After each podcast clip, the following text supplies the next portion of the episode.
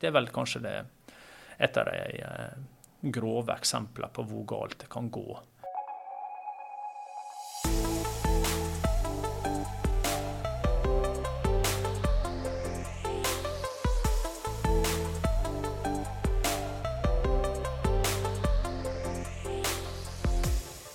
I dagens episode har vi med oss en av Norges absolutt råeste ultraløpere. Han har noen fantastiske plasseringer i noen av verdens mest ekstreme etappeløp, og det er både noen av verdens varmeste og kaldeste, samt veldig høye oppi ekstreme fjellkjeder. Hvordan er det egentlig å utfordre andre tøffe utøvere over høye fjell, gjennom ørkener, jungel, savanner og i Antarktis? Dette ønsker vi å høre mer om i dag. Velkommen hit, eh, Frode Lein. Takk skal du ha. Hyggelig å være her. Så bra. Eh, for de som ikke kjenner deg, kan du fortelle litt om deg selv? Uh, ja, en uh, voksen mann som pusher 50, som de sier. Og uh, jeg har to barn. Jeg bor i Hakadal, men kommer fra Ålesund. Eller Valderøya, for å være mer konkret for de som er lokalt kjent her oppe.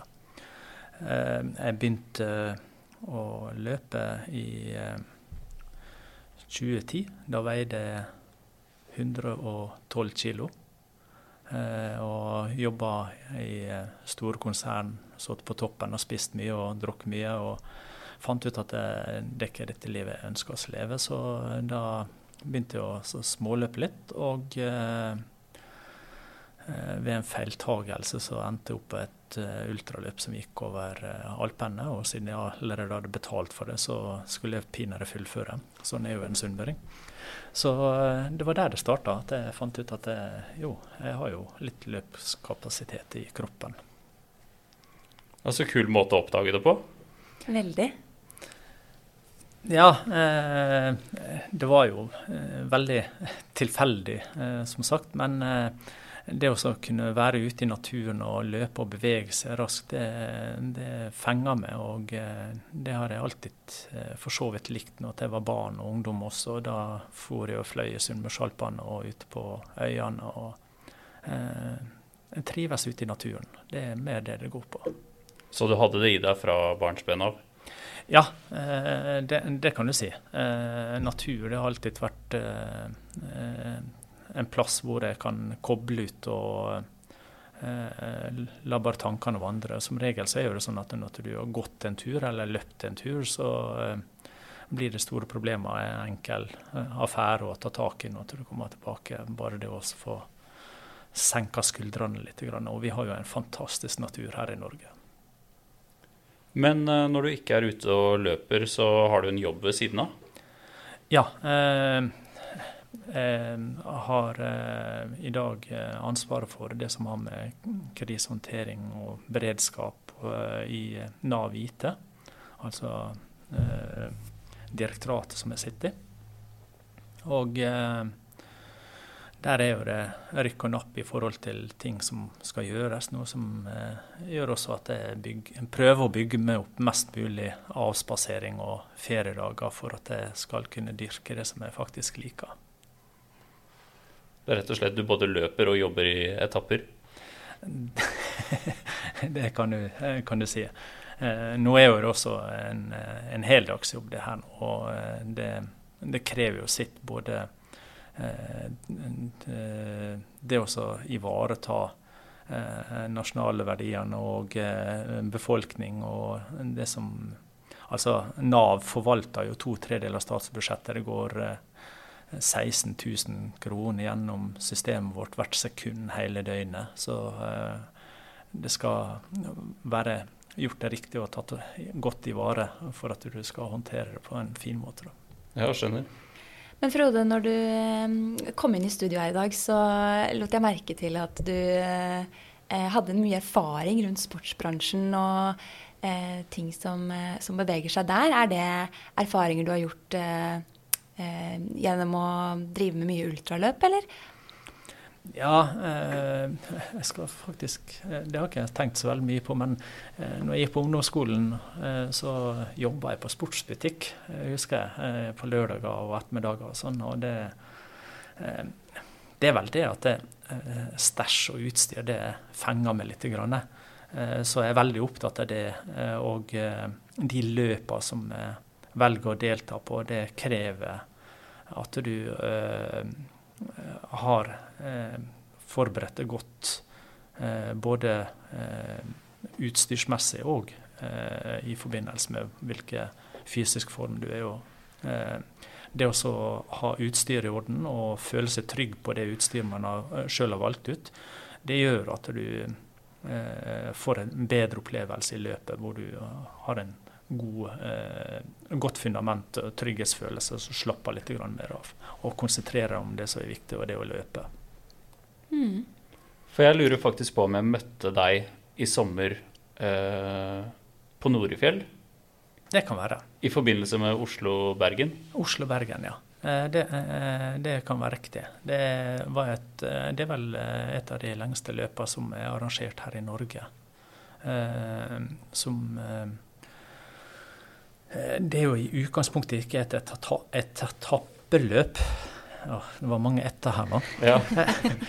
Men eh, det er et løp hvor du selv velger hvor eh, du ønsker å ta en pause underveis. Eh, det er tilrettelagt for sånne kontrollpunkt hvor du faktisk kan overnatte, men for så vidt så styrer du dette sjøl.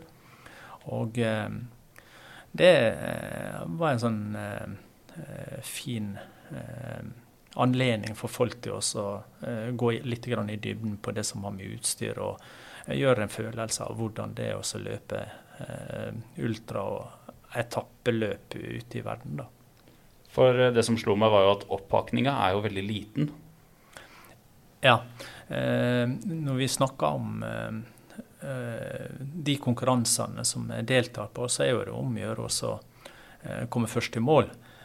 Men så er jo det at de fleste krever, altså konkurransene krever at du har eh, noe obligatorisk utstyr med det for å ivareta sikkerheten og eh, si, eh, det minste kravet som eh, arrangørene ser på som eh, eh, fornuftig å ha med seg når du skal få en god opplevelse av løpet. Da.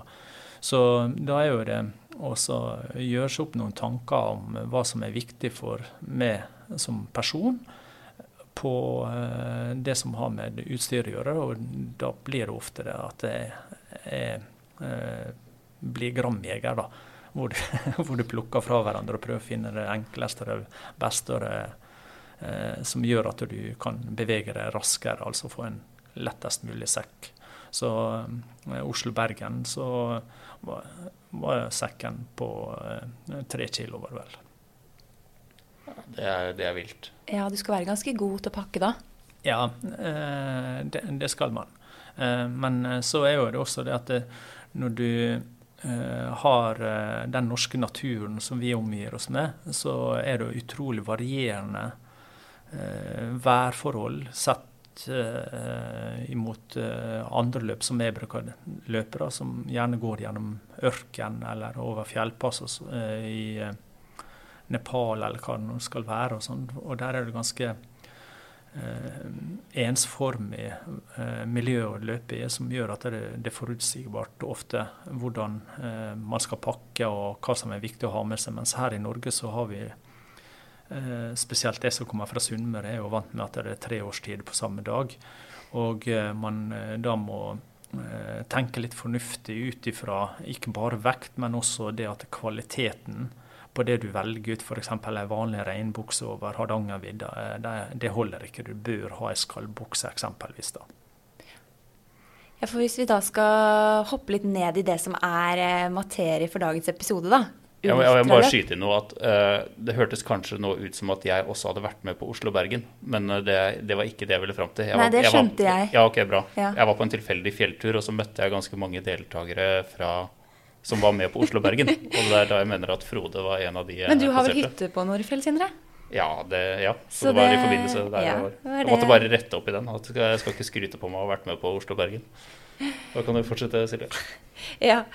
Um, ultraløp er jeg veldig nysgjerrig på. Det tror jeg Sindre også er. Og vi kan jo begynne litt med hvordan det fungerer. Og da tenker jeg vi kanskje kan starte med hvordan er det du forbereder deg til uh, sånne løp? Ja, nå er jo det forskjellige typer løp. da. Altså Det som jeg liker best, er jo det som har med etappeløp, altså det som er ofte kalt multistage, hvor du løper en gitt etappe hver dag.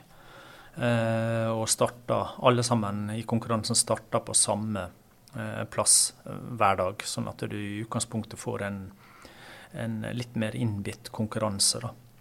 Sett opp imot et ultraløp som kanskje går eh, F.eks. du har 12 timers, du har 24 timers, du har de løpene som går over en gitt distanse. Uh, som ofte bruker å være 100 miles, 50 miles og eh, den type. Eh, så, så, så, det er forskjellige tilnærminger. Da. Men på et tradisjonelt uh, løp som ultra, altså 100 miles og den slags, så, så er jo det, det hovedsakelig løpet, altså det at du skal løpe det her, som er viktig. Mens når du kommer på etappeløp, så er det også vel så viktig å ha utstyr på plass. Ja, 100 miles og kortere og den slags. Det, der er det det å eh, bygge opp eh, eh, best mulig utholdenhet. Og da er jo det også å trene som du skal konkurrere, dvs. Si at du løper langt. Men så er det en litt misforståelse dette der nå, at du skal tilbakelegge mest mulig kilometer for å være god ultraløper. Eh, noen fungerer kanskje det for, men så er jo det at eh, du har jo bare ett par eh, bein, og de slites. Og det er viktig også å ivareta og restituere. Så jeg bruker personlig så trener jeg like mye styrketrening som jeg gjør løping. Og når det gjelder løping, så har jeg like mye eh, intervalltrening som jeg har eh, lange eh, Eh, drag, eh, altså kilometermessig. da. Eh, så kanskje et par timers løping i, to ganger i uka. Og så hver 14. dag så har jeg kanskje sånn fem til ti timers løpetur hvor jeg koser meg i skog og mark eller over fjell og sånn, hvor jeg strekker det veldig ut. Men nå sånn kjempelange turer eh, annenhver dag og sånn, det prøver jeg å la være. Når du legger ut på disse lange treningsturene, så bygger ikke du muskulaturen. Du bryter jo heller ned, så, men du bygger jo opp utholdenhet. Så du må prøve å finne sånn gyllen middelvei når det gjelder treningsmessig. Og noen trener yoga i tillegg for å få tøyd og eh, få fleksibilitet og mykhet, mens jeg har valgt en annen tilnærming, som er klatring. Det syns jeg er fint. Og du får da trent annen muskulatur. Ofte så oppdager de som begynner med klatring, de oppdager muskler de aldri har hatt før, osv. Så, videre. så det er litt dette der med å eh, ha en tilnærming til eh, trening eh, for mitt vedkommende som skal være lystbetont. Om vinteren så løper jeg jo ikke, da går jeg jo på ski. Eh, vi bor jo tross alt i Norge, og Nordmarka det er jo trikkeskinnet til Sverige nesten, så det må en utnytte. Men um, hvordan er det med søvn på disse multistage-løpene?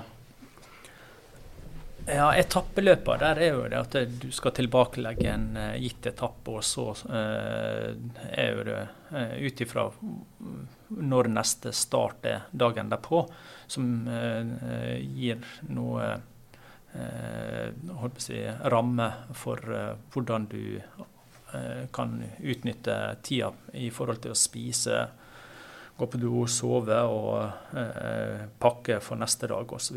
Men hvis at, eh, vi tar eksempelvis Alaska og en del andre sånne løp som jeg har hatt, som ikke er etappeløp, men som eh, går på tid fra start til mål, men som er f.eks. Ja, nå nevnte jeg Alaska, som var 560 km.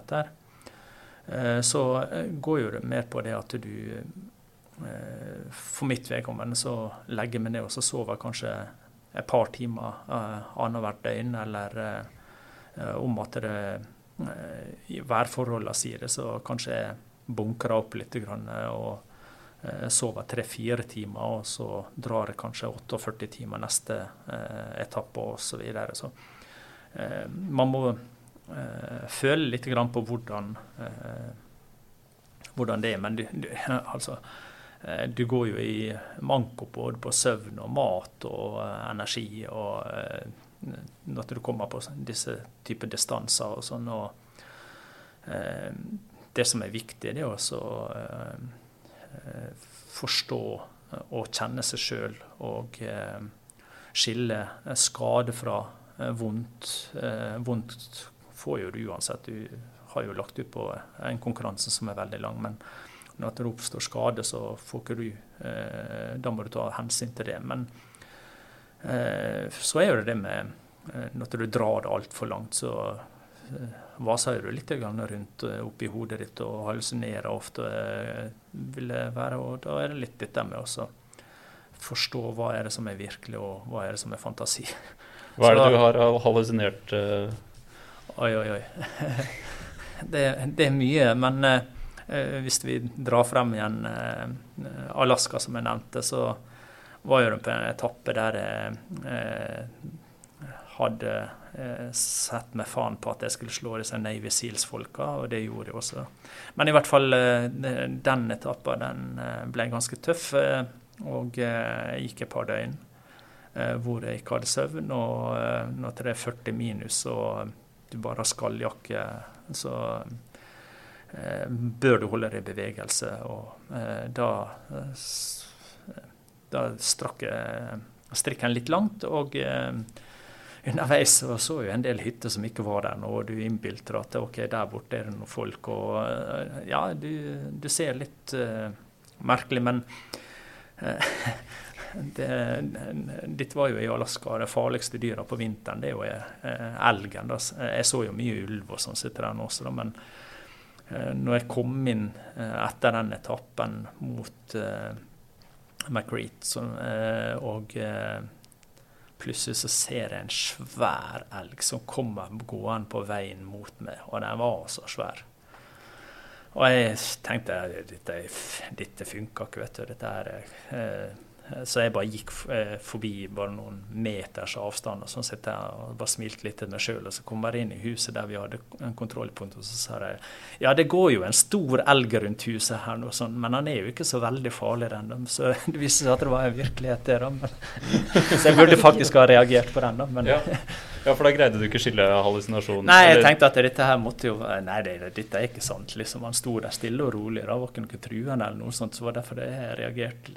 Ikke reagerte noe spesielt. Jeg bare gikk forbi og liksom, jeg var så utkjørt at jeg, jeg hadde nok.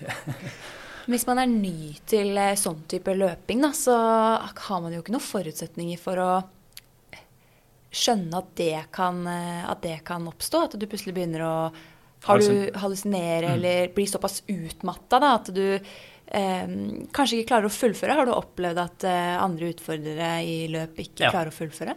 Ja. Unnskyld jeg avbrøt, men virkelig ja. Mm. Jeg har eh, i, kan, altså, fullføre f.eks. et annet kaldt løp i Yukon, så uh, var der utøvere som satt oss og prata med folk som ikke eksisterte. Og da, da skjønner du at ok, denne her personen den må vi få med oss. Eh, så eh, da har det vært litt sånn at vi har eh, hvis det har vært flere, eller om at jeg har vært alene. Sånn, sett. nå var vi to stykker akkurat der og da.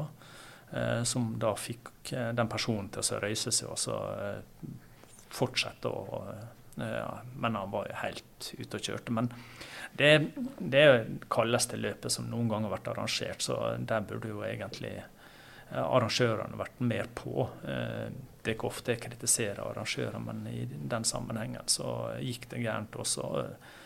En som jeg løp eh, med i Iran og ble kjent med, en italiener, han eh, kom opp til Yukon og skulle være med der nå. Jeg var litt overraska over at han var der nå, for ja, nå er jo han spesialsoldat, og, eller var. og var jo vant med det meste, da. Men akkurat det med kulde, det skjønte jeg på innsjekkinga at han ikke var komfortabel med. Men han hadde jo noen TV-team hengende rundt seg og sånn, og når du er fullsponsa og sånn, så har han en del press på det for å levere. Og Eh, det var flere element som gjorde at jeg eh, reagerte. Men eh, han løp Vi lå i front, og er også en danske, dvs. Si en Sirius-soldat fra Nord-Grønland, som sa til han at OK, nå, nå bør du også ta en pause. Eh, men det ville ikke han høre på. Dette var liksom eh, innspurten, dvs. Si siste døgn og sånn. Så han fortsatte. Eh, dagen etterpå, når vi skulle inn til siste kontrollpunktet, så kom det snøscooter og sa ifra at nå skal de avbryte hele løpet, for det er en person som er savna. Det viste seg å være han personen, da. Og det er Roberto Sanda, en italiener, som Eh, fantastisk løper av han og. Men da hadde han eh, begynt å hallusinere. Eh, han hadde sett hytte, han hadde stoppa opp. og så er jo ikke bare det med hallusinasjoner, men altså, det kommer hypotermi. og eh, Da vil jo kroppen prøve å ivareta de vitale organene. Eh, og eh, da begynner vi å fryse på bein og armer. Eh, og når det er 53 minusgrader ute, så sier det seg sjøl at vi eh, var ganske kalde. Eh, og plutselig så slipper kroppen opp, dvs. Si at han gir opp. Og blodet strømmer da ut igjen til armer og bein og alt mulig sånn. Og enkelte vil få en følelse av at de blir varme og er veldig varm. Så i kombinasjon med hallusinasjonene som han da hadde, det var at han syntes at alt var varmt. Så når de fant han, så hadde ikke han jakke på seg. Han hadde kasta lua, hansker eller votter. Og eh, han satt eh, med beina oppå en stein uten sko. Ja. Og Det er vel kanskje det eh, ytterste. Det var også folk som hadde kasta fra seg vottene og syntes det var for varmt å gå med. og sånn sett og så var, eh, I den konkurransen eh, så var det faktisk seks stykker som i etterkant amputerte. Men alle overlevde, eller? Han overlevde, men han har verken eh, armer eller bein. Så han har amputert eh, alt. Og dette er vel kanskje det et av de eh, grove eksemplene på hvor galt det kan gå. Eh, og eh, det å ikke kunne bruke nødutstyr. Han var utstyrt med med InReach fra Garmin som ikke ble benytta. Og det var sporing på han, men eh, de avstandene som vi snakker om eh, Altså, jeg gikk eh, ene natta 18 timer totalt uten å se et annet menneske. Eneste jeg så, var fire ulver som for oss og Vasa ikke så langt unna meg.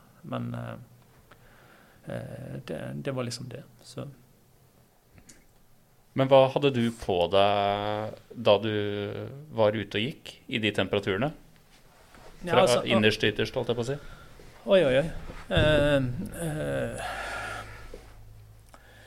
det, uh, ja, jeg har alltid Ja, nå er jo jeg ambassadør av Brynje, men uavhengig av det så hadde jeg uansett gått med disse nettingene, som nettingundertøyet som de leverer. Og det nettingundertøyet, det Eh, det gjør at du eh, beholder varmen på en eh, litt annen måte enn hva du gjør når du har en tight stillongs f.eks. som ligger inntil kroppen og blir svett og våt.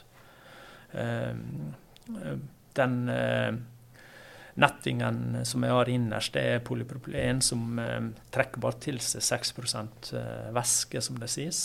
Dvs. Si at det blir ikke vått trådene. Og det eksporterer da dampen fra svetten din vekk ifra deg. For du går jo ikke, du springer jo hele tida for at du skal nå alle disse her kontrollpunkter innenfor gitte tidsrammer, for ellers blir du tatt ut av løpet og sånn. Og utenpå der igjen så uh, har jeg hatt uh, løpebukse som Eller på vinteren så, så, bruker jeg for det meste bekledning som er knytta til langrenn. Altså langrennsbukse og sånn sett. Derfor puster så godt, og det er mer bevegelighet i det, syns jeg. fordi at det, du har liksom noe som er tett foran, og så er det i knehalsen så er det god bevegelighet og gjør at du kan løpe eh, eh, mer bekvemt med bekledning under. da. Eh, I så hadde jeg ikke bare én netting under, jeg hadde to netting utapå hverandre. Og så samme på overkropp, eh, hvor den ytterste hadde vindtett front, og så hadde uh, ull på armene på den ene nettingen. Og utapå der igjen så hadde uh, tynn flis fra norrøna. Og den flisen den er, har fulgt med i uh, mange løp, både varme og kalde, og her i Norge og sånn sitter den. Eh, jeg husker hva den heter, men det, det er veldig tynn uh, mikroflis som når den er svett og våt, så tar du den bare av, og så rister du den, og så tar du den på igjen, så er den tørr. Om at det er regner eller vått eller hva det er for noe, så er det så viktig å føle seg tørr og god på kroppen. Så har du da utenpå der igjen en eller annen form for skall. og da det, det, er her i Norge også, at jeg løper opp på fjellene i Rondane eller Jotunheim eller Sunnmørsalpene eller oppe i nord. og sånn sitter den, og så går ikke alltid for det letteste. Jeg, eh, jeg benytter meg gjerne av eh, en, eh, en skallbukse som er svært så lett ifra norrøna, er det vel. og det som er fordelagt med den, det er at den er helstrukken glidelås. Jeg slipper å ta av og på med tightsen eventuelt, eh, som jeg har under. Så jeg bare tar det utapå med skoa. Eh, altså jeg beholder skoa på, da, så jeg slipper å ta av det. Så glidelåsen går hele veien opp. Og ja, altså en eh, tynn skall på utsida og på, over kroppen. Når jeg var på både i Yukon og i, uh, i Alaska så hadde jeg en eh, kraftig skalljakke fra Brynje. Eh, og jeg hadde en eh, svær dunjakke utapå i Alaska. Den ble stjålet første natta, så jeg måtte klare meg uten den. Både den og så en bukse som jeg hadde. I Yukon så valgte jeg å benytte ei ikke dun, men syntetisk, på grunnlag av at der er mye høyere eh, luftfuktighet og eh, svett og alt etter den, så vil duna kollapse. Og dette er jo noen år tilbake. Nå har jo veldig mye av de dunjakkene som er i dag, de har jo blitt videreutvikla hvor du har impregnert dun som gjør at den ikke kollapser så lett. og sånn. Så, uh, men ja, det er liksom der vi er på utstyr, da. Jeg bare ble litt nysgjerrig. Hvem er det som stjeler, hvem eller hva er det som stjeler eh, dunjakker eh, der ah. du da var? Eh, det var første natta jeg skulle slappe av. Det som, det som var, var at vi før start i Anchorage oppe i Alaska der nå, så det, Dette er jo Iditarod-løypa jeg har løpt, da. Så valgte jeg å løpe med pulk den konkurransen er at du kan velge å gå på ski, du kan velge å sykle, eller som er da velge å løpe. Kombinasjonen med at jeg har med meg noen truger som jeg løper med også. Og eh, i forkant av løpet så stoppa eh, så, Altså i startpunktet så var det en bar hvor vi kunne gå inn og drikke og spise. og sånn Det var liksom sånn Last Supper. Mm. og Da kjøpte jeg en svær, feit pizza, og eh, jeg klarte ikke å spise opp den, så jeg tok med meg et par av de slicene og la i en sånn tørrsekk som jeg hadde. Eh, dunjakka mi og eh, den buksa som jeg hadde med meg, da, sånn dunbukse. Og eh, første natta så eh, forsvant det og, eh, mens jeg sov, i en sånn gapahuk. Og eh, de mente arrangørene at det meste var Coyote som hadde lukta av de pizzastykkene som er pakka i den posen. Så tok det med seg. Og eh, da ville jo eh, løpsarrangøren ta meg ut av konkurransen, for det var jo ikke vits at jeg fortsatte når jeg ikke hadde varme klær og sånn. Og, da sa jeg meg litt grann imot. Og eh, eh, det var en eh, Sirius-soldat fra Danmark som visste hvem jeg var, som sa at dette går nok bra når han sier det. Så jeg fortsatte, da. Eh, og eh, fullførte da med skalljakke og skallbukse. Men da var jo det å tenke lurt. Eh, det er jo det det går i, da. Det å legge lag på lag på lag, både på overkropp og på bein, og passe på å lufte. og ta av og på eh, ut ifra Altså nå ligger jo det på 30 minus, og sånn sitter så er det hvor mye du tar av. da. Men det å lufte underveis, det er veldig viktig. Eh, så Coyoten koser seg med dyna mi og pizzaen. Wow. Det er jo også eh, I forkant av nå, når disse løpene her nå, da, så er jo det litt sånn at man stiller spørsmål om eh, Eh, eh, som skal være med på å danne et inntrykk for eh, arrangørene om at vi er godt forberedt til konkurransen og sånn. og nå har jeg sagt mye om ulv og coyote og den slags, så det ble jo stilt spørsmål om at OK, what will you do if you meet wolves? Og da svarte jeg bare så arrogant tilbake I'm a vegetarian, it's not a problem. så det kom ikke noe oppfølgingsspørsmål der, da. Nei, det skjønner jeg. For ylven den er ikke større enn ei hyene her borte. Og eh, det er så eh, absurd når folk er redd for de dyra. De er mer redd for det, da. Selv om at de er tre-fire dyr, så holder de seg godt på avstand når det gjelder mennesker. Og det var jeg fullt klar over. og derfor jeg svarte litt sånn småarrogant. og det at det, OK, ja, jeg vet at de eh, er der nå, men de er ikke farlige, så Jeg liker det. Eh, vi prata på telefonen for eh, en god stund siden, og da snakka vi også litt om Jeg tror det var det Yukon Arctic-løpet, hvor du ble kasta ut av innsjekken. Ja. Det, det, det er riktig.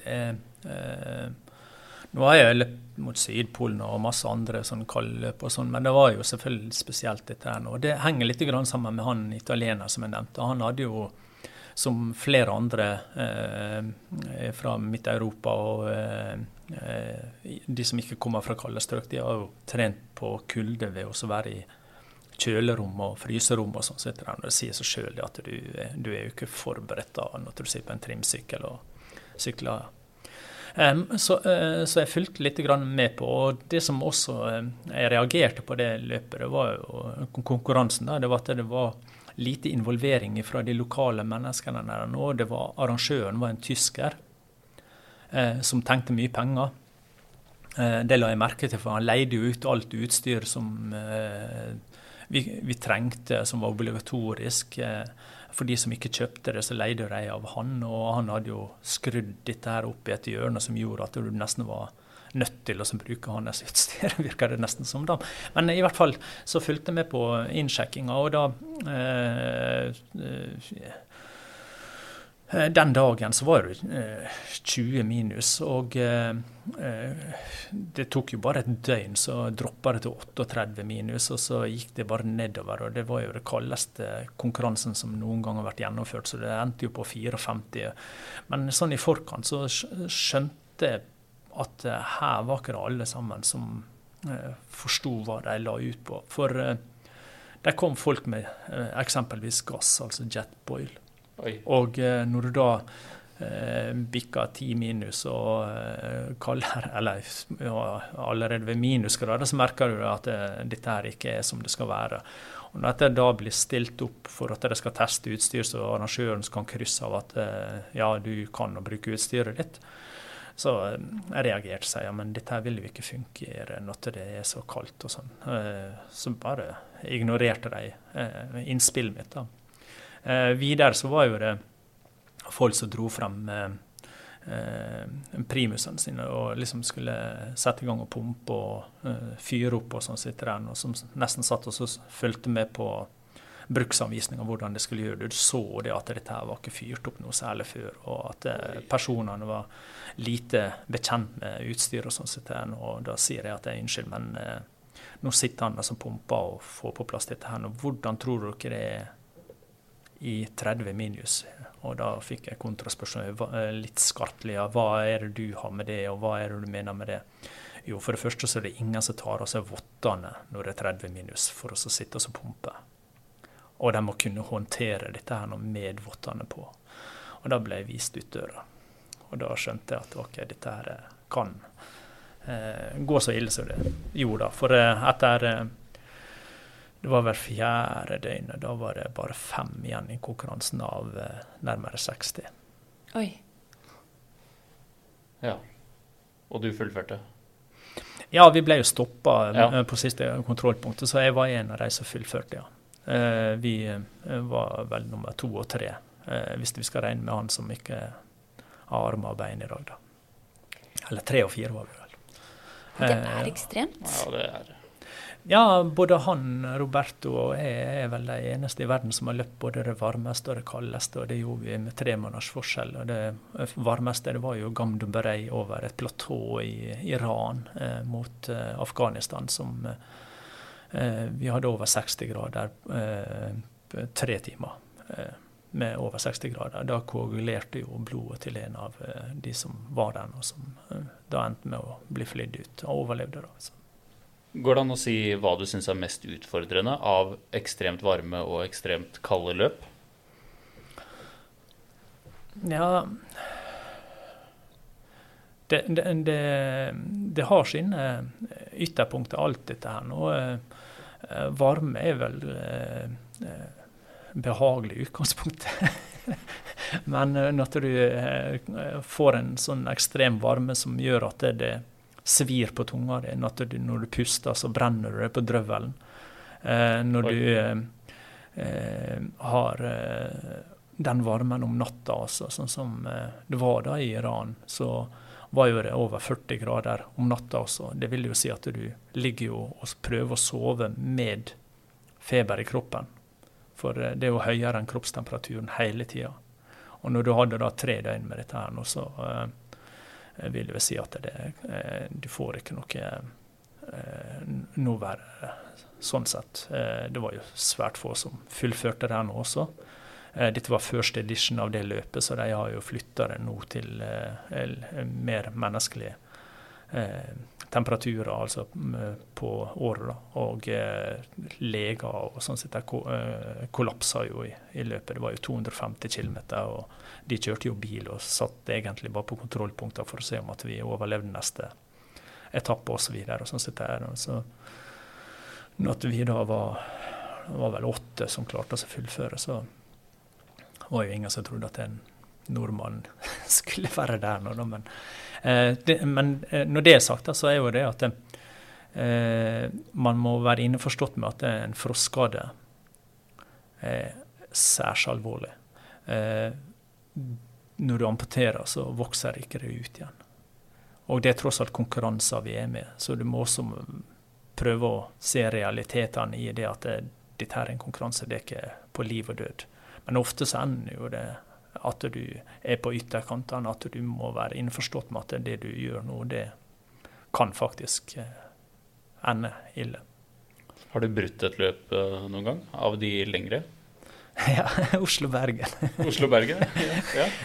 For da måtte vi være team. Og dette her illustrerer litt grann, eh, eh, hva som eh, skiller ultraløp og eh, det å løpe på bane og sånn. For jeg løp sammen med hun som desidert er best i Norge på eh, bane og på asfalt, eh, Therese Falk.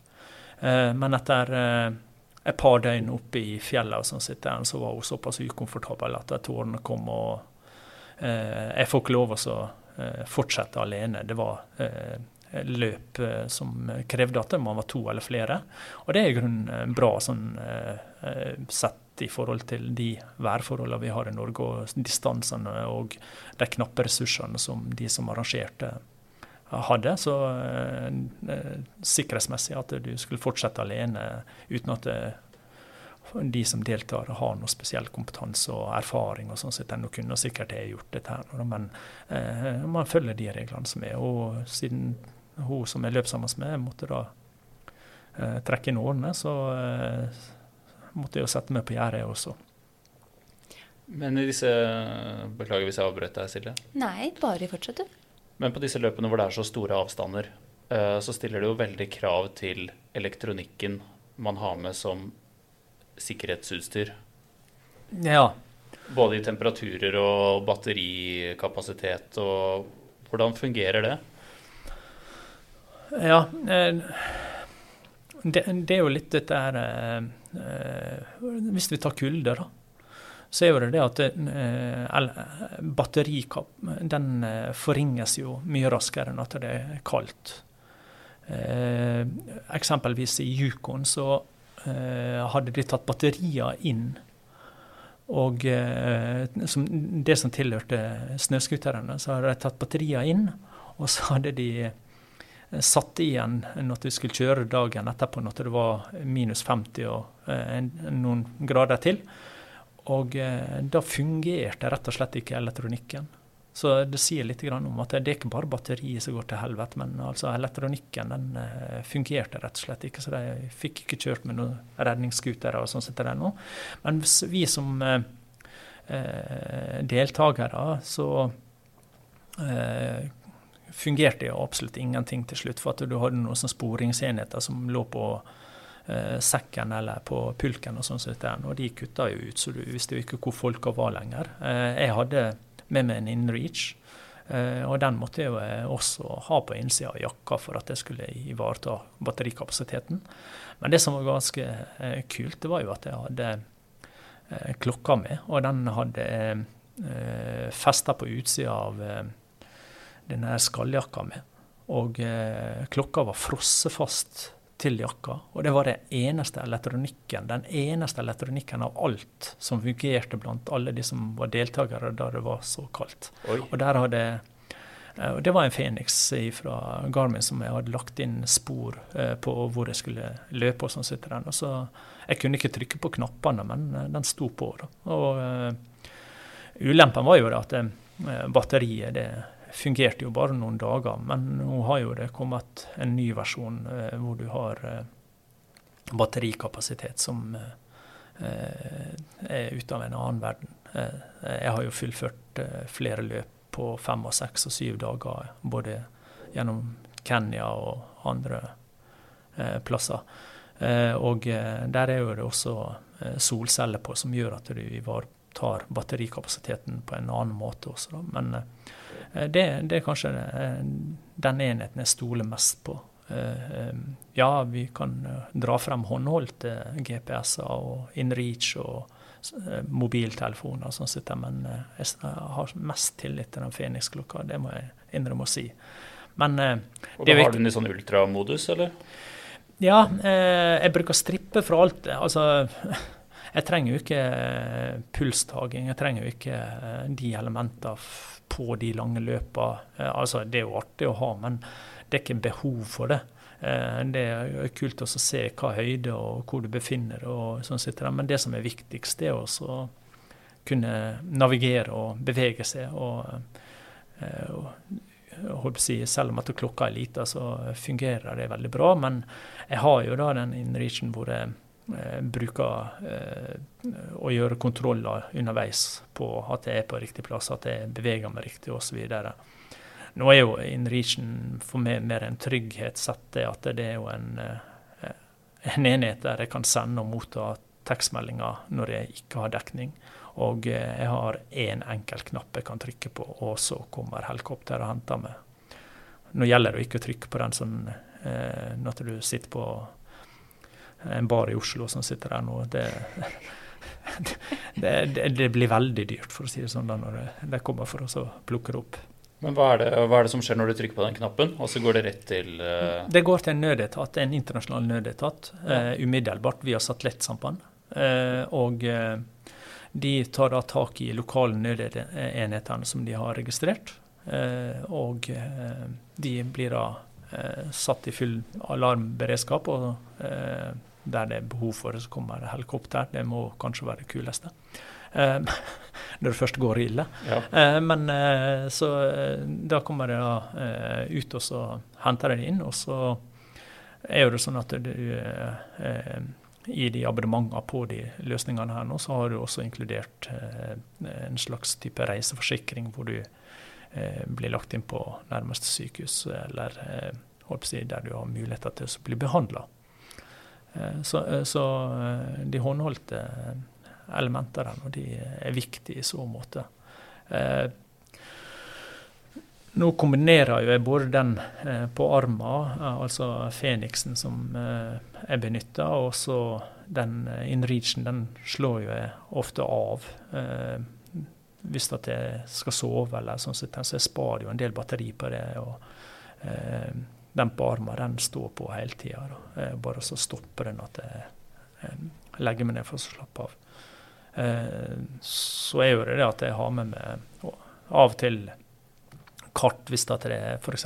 i terreng som vi finner i Norge. Men eh, altså et ørkenløp, hva skal jeg ha med meg? Sandpapir?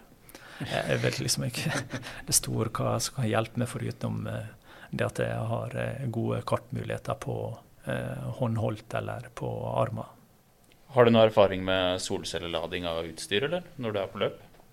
Ja, Eh, når det gjelder eh, solceller og lading, så har jeg sett en del av eh, på de etappeløpene som er på, at folk henger solcellepanel bak på sekken sin for å lade eksempelvis klokka si samtidig som de holder den i hånda, og eventuelt om at de legger fra den og setter opp solcellene, at de kommer inn til Eh, kontrollpunkter, eller det at de har med sånn ekstra eh, batteribank.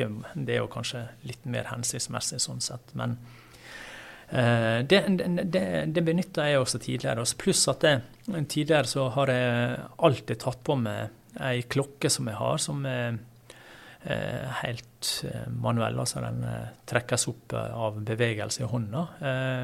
Og den viser bare klokkeslett og dato. That's it. Og det, det har jeg liksom eh, følt har vært en trygghet, for i de lange løp så er det mer det at eh, du skal ha kontroll på å få i deg mat og drikke underveis til riktig tid. Så eh, eksempelvis eh, så kan jeg sette opp det at ok, hver time skal jeg ha i meg næring, altså mat. Eh, hver halvtime skal jeg ha i meg drikke.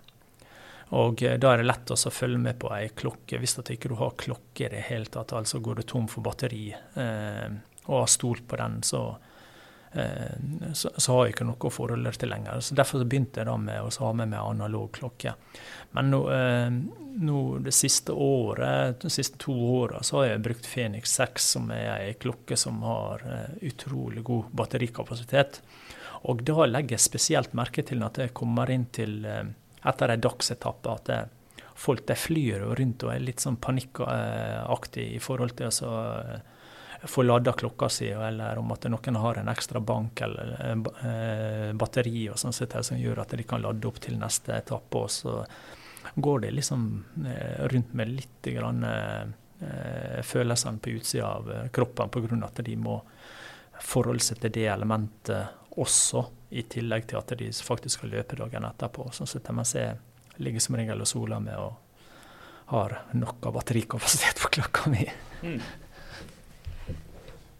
Men dette med gramjeger, som vi var litt inne på i stad, og lettere og lettere utstyr. Hvordan tror du, eller tror du at det eh, påvirker sikkerheten? Det som, det som, jeg ser, og eh, det har jo vært veldig mye internasjonalt, men det som vi ser eh, her i Norge, det er jo at folk eh, som ferdes i fjellet. Eh, har jo tradisjonelt hatt store sekker og tunge fjellsko og koser seg mer eller eh, det å legge bak seg eh, antall kilometer og legge på Strava etterpå. Eh, og så er det da disse influenserne som kjører inn til eh, et flott vann og setter seg ned der nå. Ja, nå har vi gått tur x antall dager, eller eh, altså eh, de som ikke går tur, men som gir et inntrykk av at de har vært langt og lenge, og så ser andre folk på at okay, de har det og det utstyret, ja, kanskje det burde være nok. Og sånn. Og så har du de som er mer i den kategorien hvor jeg beveger meg, da, som ønsker å tilbakelegge mest mulig. Og da, det er da vi begynner å plukke fra hverandre kiloer og gå ned på gram. og eh, Det å eh, finne lett utstyr, men allikevel eh, bevege seg på den trygge sida. Og det er litt det som er utfordringa. det eh, Når du da får de som ferdes i fjellet og så skal løpe fra hytte til hytte, f.eks. Eh, tilsvarende sånn etappeløp eh, hvor du da sover på eh, turistforeninga sine hytter og løper videre dagen etterpå eller beveger deg fort. De eh, har da eh, eh, sett for seg at de skal ha lettest mulig utstyr. Og det er bra nok. og det, det er kult òg. men som jeg var tidligere inne på, du velger ikke ei vanlig regnbukse, du velger skallbukse hvis du skal vel, gå i norske fjell, for du blir grisekald. Og du, eh, samtlige som eh, var med på konkurransen til Bergen, som vi snakka om tidligere, var klissvåt, uansett hva de hadde på seg. Og eh, det skal du være innforstått med at det, det kan gå galt. Og eh, der er ikke mobildekning overalt. Eh, vil si at det, det er svært mange plasser det ikke er mobildekning eh, når du beveger deg opp i fjellet. Og da er jo det eh, det å kunne ivareta sikkerheten, sett i forhold til at du velger eh, bekledning og utstyr eh, som er helt på kanten i forhold til at du eh, kan ikke stoppe opp og slå opp det teltet du ikke har med deg. Eh, eller den soveposen som tåler ned mot frysepunktet. Så det er litt dette med at eh, man legger opp løypa til å gå fra hytte til hytte. Da skal du tilbakelegge den distansen. Og når du ikke har muligheter til å stoppe, og ikke ha med deg mat og ikke ha med deg det utstyret, men du beveger deg raskt, da må du tenke sikkerhet, hvordan du skal ivareta den. Og eh, hvis det skulle gå gærent, så er det særs viktig at du eh, har en enhet, eh, som jeg var inne på tidligere, som f.eks. InReach, da, hvor du har en knapp du kan trykke på og tilkalle hjelp. Det hjelper ikke også Eh, sitte der med mobiltelefonen uten dekning når du har brukket ankelen eller ikke klarer å gå, eller eh, partneren din har eh, noe som er tilsvarende, og du etterlater ikke en person som sitter bare i shortsen på vidda og ikke har noe muligheter til å pakkes inn.